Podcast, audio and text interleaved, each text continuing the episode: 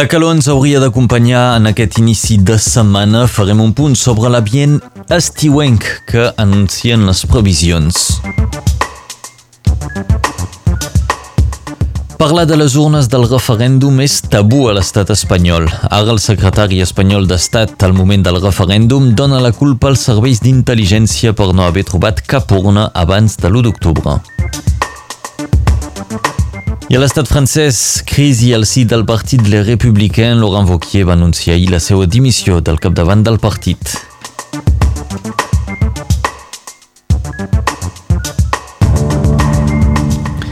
Molta calor durant aquell cap de setmana amb valors de ple estiu. En aquest inici de setmana les temperatures encara es mantindran altes, en particular demà dimarts, quan tindrem màximes superiors als 30 graus a bona part de Catalunya Nord.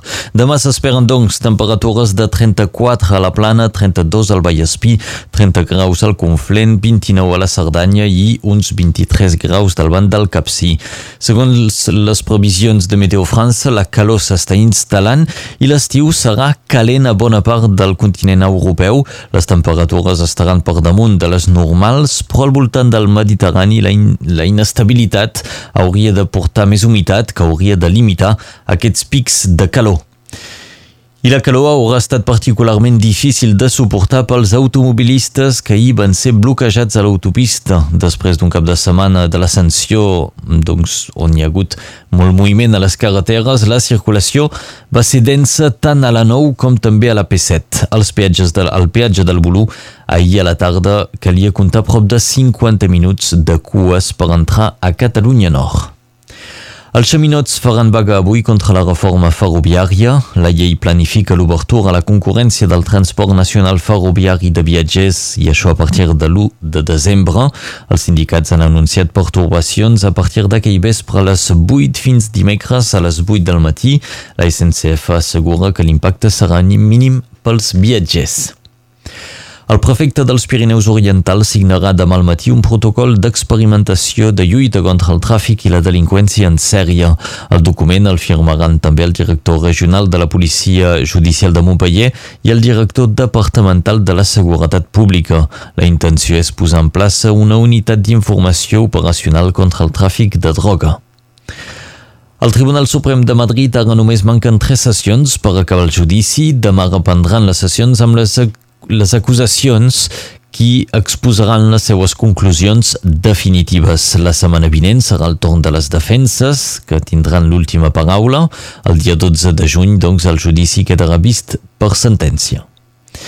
I el secretari espanyol d'Estat encarregat de seguretat al moment del referèndum ha donat la culpa al Centre Nacional d'Intel·ligència espanyol per no haver trobat les urnes de l'1 d'octubre. En una entrevista, José Antonio Nieto afirma que es pensava que sobre les urnes tot estava controlat, però finalment va resultar que no era així. Explica que el CNI tenia una investigació sobre les urnes, però que no va donar resultat. Finalment reconeix que tothom va fallar al moment d'investigar on s'amagaven les urnes urnes del referèndum. El Consell per la República crida a manifestar davant del Parlament Europeu el dia 2 de juliol, el dia que es constitueix l'Eurocambra. La sessió inaugural es farà a Estrasburg i Carles Puigdemont i Toni Comín hi assistiran mentre que Oriol Junqueras haurà de rebre un permís del Tribunal Suprem espanyol per poder-hi anar. La manifestació servirà per exigir que l'estat espanyol compleixi la resolució del grup dels, eh, de, de treball dels, eh, de, de detencions arbitràries al Consell de Drets Humans de l'ONU i doncs alliberi els presos polítics. També es demanarà al Parlament Europeu que no permeti l'exclusió dels tres eurodiputats catalans. I el president dels republicans a l'estat francès, Laurent Wauquiez, va anunciar ahir que deixava les seues funcions al capdavant del partit. Després dels mals resultats de les eleccions europees, el partit estarà immers actualment en una crisi profunda. Wauquiez ha assegurat que no voler ser un obstacle a la reconstrucció de la dreta. Recordem que hi va ser escollit per liderar aquest partit polític, les republicans. Això va ser el desembre del 2017, amb prop de 75% dels vots. Als esports, Kilian Jornet ha guanyat aquell cap de setmana la clàssica Zegama. Es tracta d'una marató de muntanya al País Basc que cobreix 42.195 metres de cursa amb 5.472 metres de desnivell acumulat. Kilian Jornet ha vençut amb un temps de 3 hores 52 minuts i 48 segons. Aquesta ha estat la 49a victòria del corredor de la Cerdanya en aquesta competició. L'equip femení de Sant Esteve 13 català està a la final, després d'haver eliminat Lió per 18 a 14. La final es jugarà a Gilbert Brutus el proper cap de setmana contra Tolosa.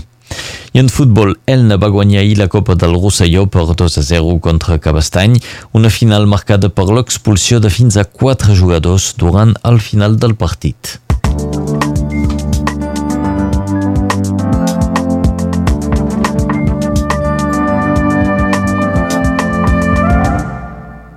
Passem ara a la previsió del temps amb l'Enric Balaguer.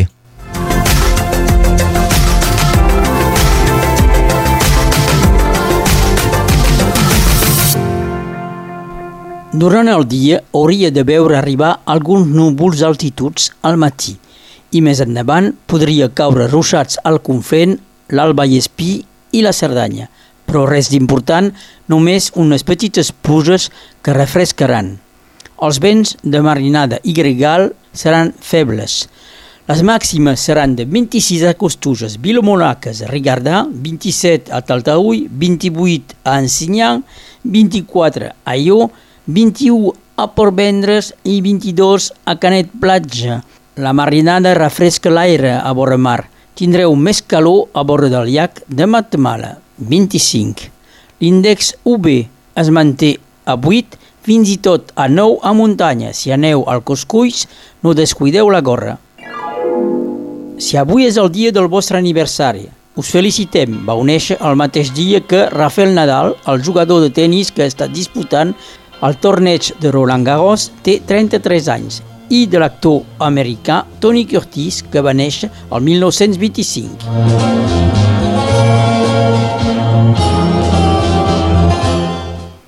El 3 de juny 1875 es mor el músic Georges Bizet. Segons el calendari en català de Terra Nostra és Santa Clotilde, és també Sant Isaac i Santa Oliva. La dita d'avui, pel juny, cada gota com el puny.